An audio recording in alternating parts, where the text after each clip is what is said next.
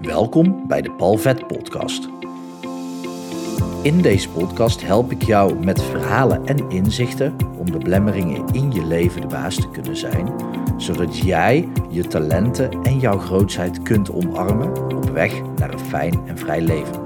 Heel veel plezier met deze aflevering.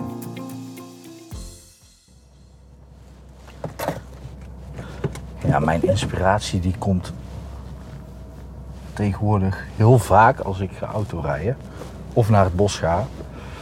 Uh, wat ook tegelijkertijd gebeurt dan. En ik heb vandaag een vette dag.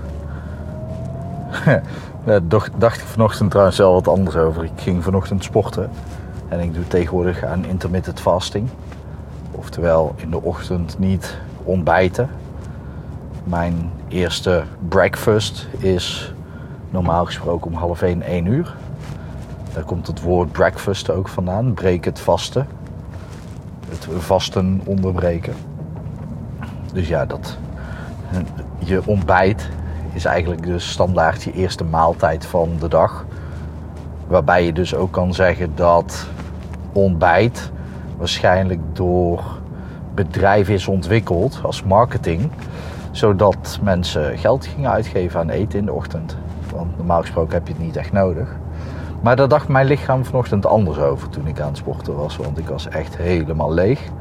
Ik moest echt even, tijdens de cooling down zelfs nog, even rustig fietsen. Moest ik echt even bijkomen nog.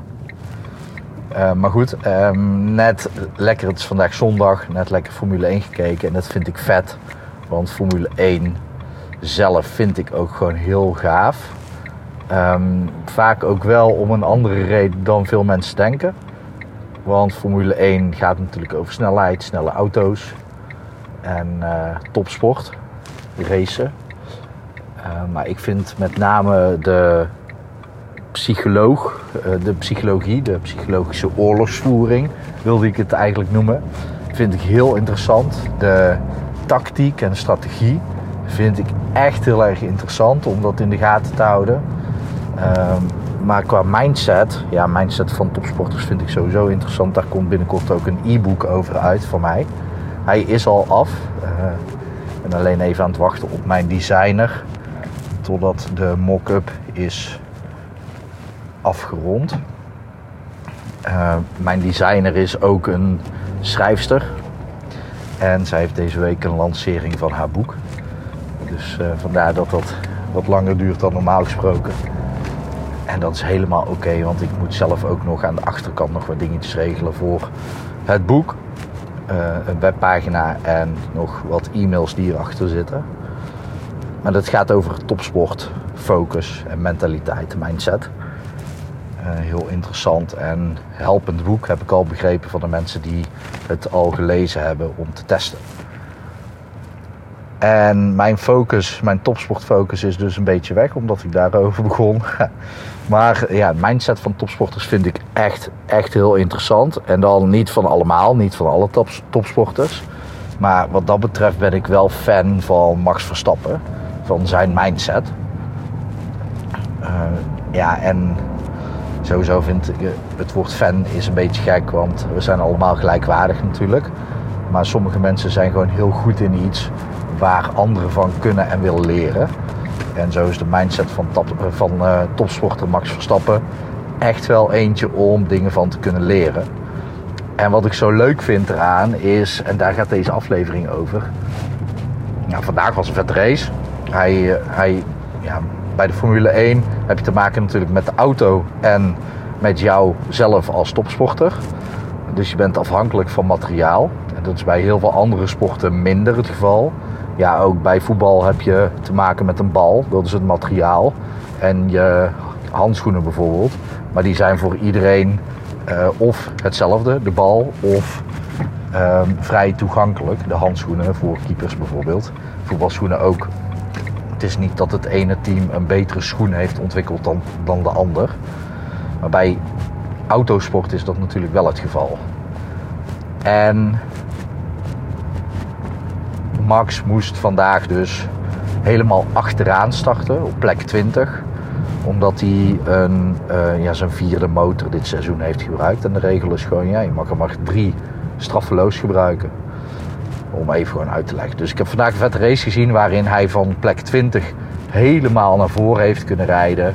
Uh, weliswaar door omstandigheden, maar hij heeft het gewoon echt goed gedaan. Uh, naar voren naar plek 2. En op plek 1 is Lewis Hamilton geëindigd. En die twee strijden dit seizoen om de wereldtitel. Dat is echt heel vet.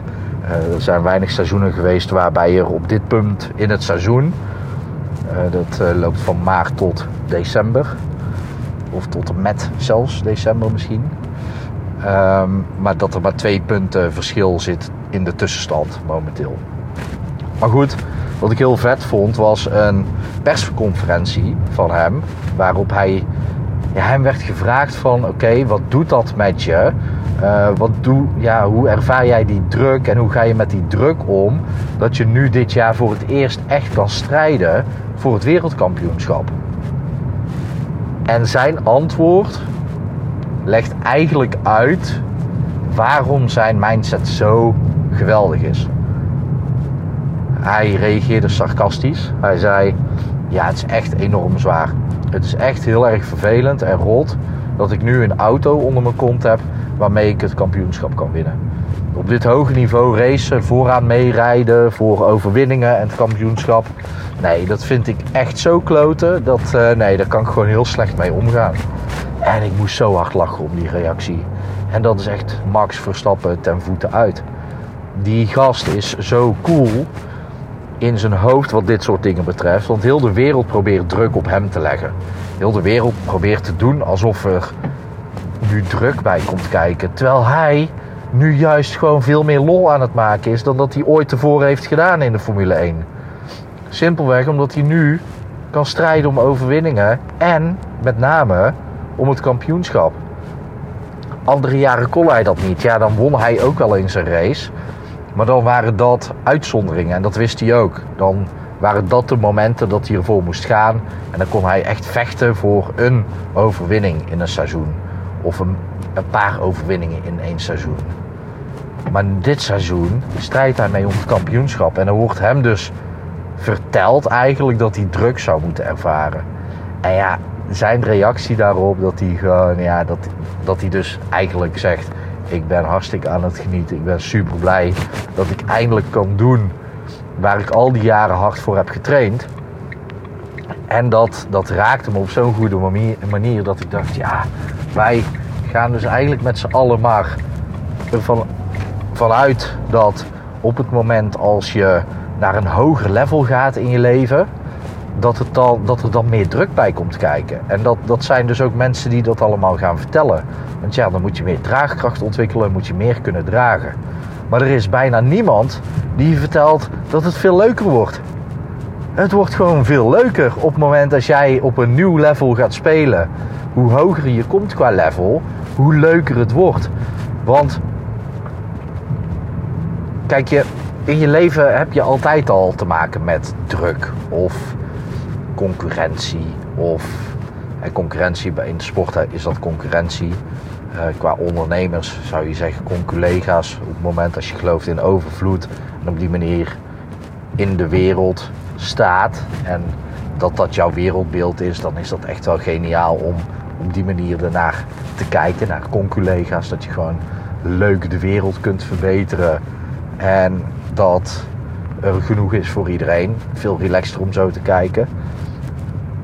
Maar op elk level heb je een bepaalde soort druk waar je mee te dealen hebt. En niemand vertelt je dat het dus alleen maar leuker wordt naarmate je naar een hoger niveau stijgt. En ja, dat, heb ik, dat maak ik nu zelf heel erg mee. Omdat ik. Ik ben al jarenlang coach. En daarvoor coachte ik ook al mensen. Ook gewoon dat ging even mis. Ik, ik parkeerde de auto en ik wilde uitstappen. En op automatisch piloot trok ik het kabeltje uit mijn telefoon. Omdat ik ervan uitging dat die in mijn navigatie zat. Maar, of in mijn auto. Mijn Apple CarPlay. Um, maar hij zat dus gewoon op deze microfoon.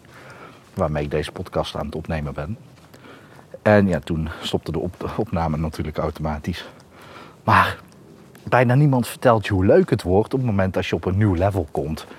En dat vind ik eigenlijk best gek, want het wordt leuker. En wat ik al zei, ik merk dat zelf ook. Ik ben jarenlang al coach. Daarvoor ook al coaching gedaan in loondienst. Maar ik ben nu, ik weet het niet precies, acht jaar dat ik ingeschreven sta bij de Kamer van Koophandel als coach. En ja, steeds meer ervaring op aan het doen, steeds beter worden. Nu ook inmiddels dan alweer een tijd uh, master hypnotherapeut. En doordat die skills zoveel beter worden en ik ook steeds beter weet, oké, dit is de doelgroep met wie ik het liefste wil werken, dan kan ik me daar dus ook in specialiseren, in die doelgroep. En hoe kan ik die doelgroep het beste dienen? En ja, dan stijg ik ook naar een nieuw level. En dat wordt alleen maar leuker. Waarom? Het wordt steeds helderder voor iedereen. Voor mijn klanten die contact met me opnemen. Die zeggen: Hey Paul, jij doet dit. daar heb ik een oplossing voor nodig. Kan jij me helpen? En dan zeg ik: Laten we even bellen. En dan, als die klikker is, die is er dan al vaak, dan kunnen we aan de slag. En alleen maar omdat, het, omdat ik inmiddels op een nieuw level zit. Ik ben steeds aan het stijgen naar nieuwere levels, hogere levels. En ik, ik leg wel eens uit, een level, um, als je niet op hetzelfde level zit als een andere persoon, bedoel ik dat niet in hoog of laag, maar hierin wel. Want als je meer ervaring opdoet in je beroep, dan stijg je. Dan stijg je in expertstatus bijvoorbeeld. Volgens mij legt uh, Tibor uit, Tibor Olgers. Die zegt als je gewoon drie jaar lang elke dag blijft posten online. En je doet drie jaar lang focus je op hetzelfde. In mijn geval dus hypnotherapie. Dan kom je uiteindelijk op een punt dat je automatisch al bij de top 20% van Nederland gaat horen. Waarom? Gewoon continu die focus, continu blijven ontwikkelen, continu bezig blijven natuurlijk. Want ja, je kan drie jaar lang over hypnotherapie lezen, maar het echt doen, het toepassen, het werken met cliënten, het luisteren naar cliënten, weten van oké, maar dit vind ik een leuke cliënt en dit niet. En dan meer de taal gaan spreken van de cliënt die ik leuk vind. En dan daar weer meer cliënten van mogen ontvangen, mogen helpen, mogen dienen. En dan daar weer datzelfde trucje toepassen. Steeds weer die 80-20 regel toepassen. En die 80-20 regel die werkt op zoveel vlakken door. Dat is echt geniaal. Volgens mij heb ik daar nog nooit een podcast over opgenomen. Moet ik misschien ook eens doen. Want wat het ook is, is bijvoorbeeld in een hypnotherapie sessie, daar geldt de 80-20 regel ook. In 20% van de tijd vindt eigenlijk al 80% van het resultaat plaats.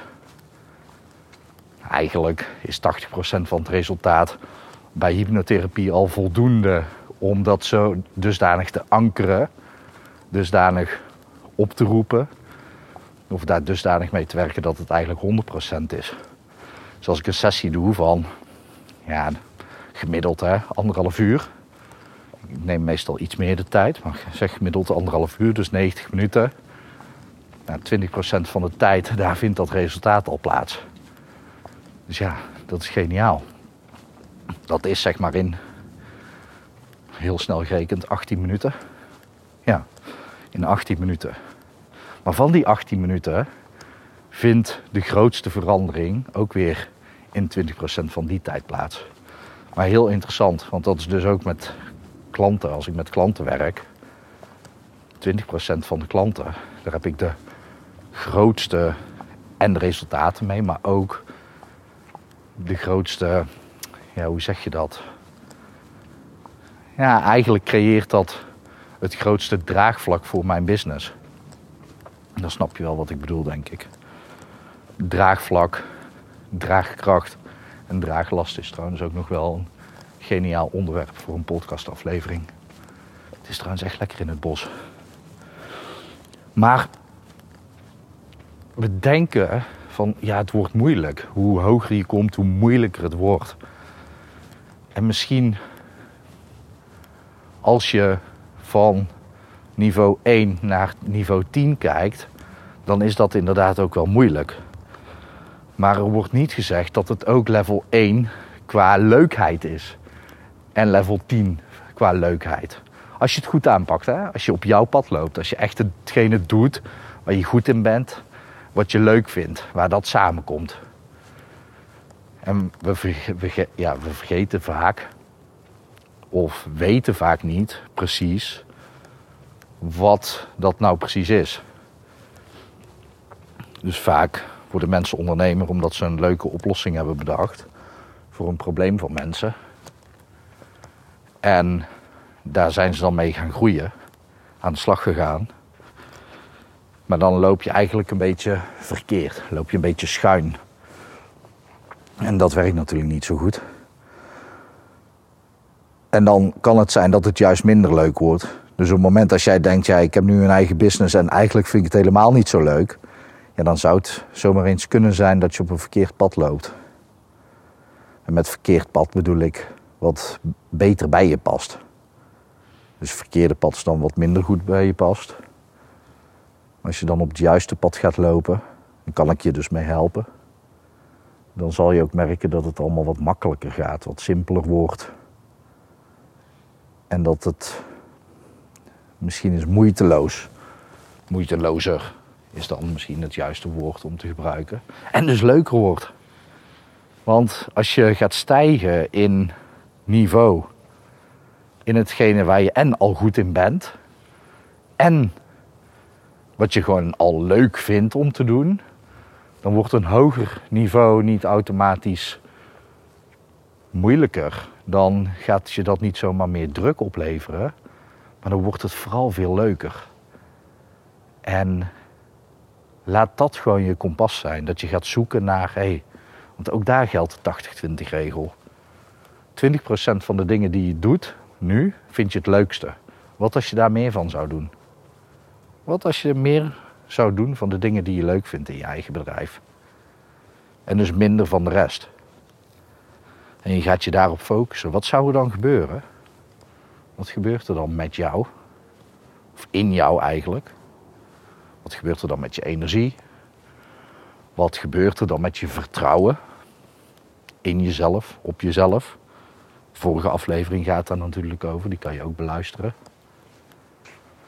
Maar wat gebeurt er dan als je kijkt naar de 20% die je nu het leukste vindt om te doen? En je zou daar meer van gaan doen. Wat moet je dan later? Welke dingen zou je dan tegen willen zeggen? Oké, dit moet ik nu doen maar zodra ik dat niet meer hoef te doen, dan ga ik dat ook nooit meer doen. Nooit meer dit, nooit meer dat. Een hele duidelijke indicatie voor wat je wel graag wil doen, is zeker weten wat je helemaal nooit meer wil doen. Want dat helpt ook.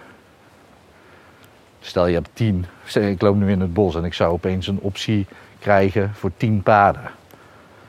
En ik zie bij je vijf van de paden gewoon bordjes staan dit pad leidt naar werken voor een baas.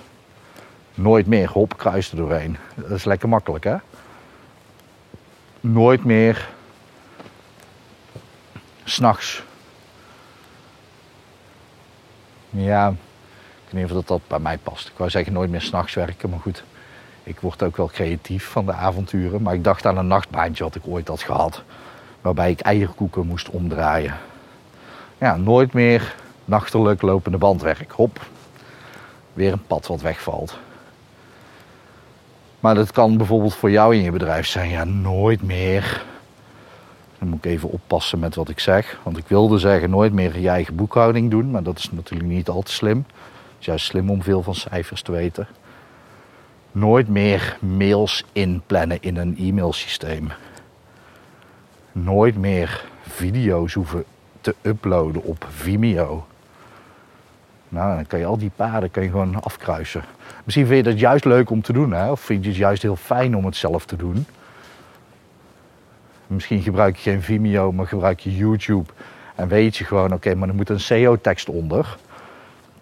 En dat vind je misschien leuk om te doen. Het kan ook zijn dat je het eigenlijk niet leuk vindt, maar dat je niet gelooft dat iemand anders het goed kan, of net zo goed kan als jij dat kan, dan zit daar een belemmerende overtuiging in.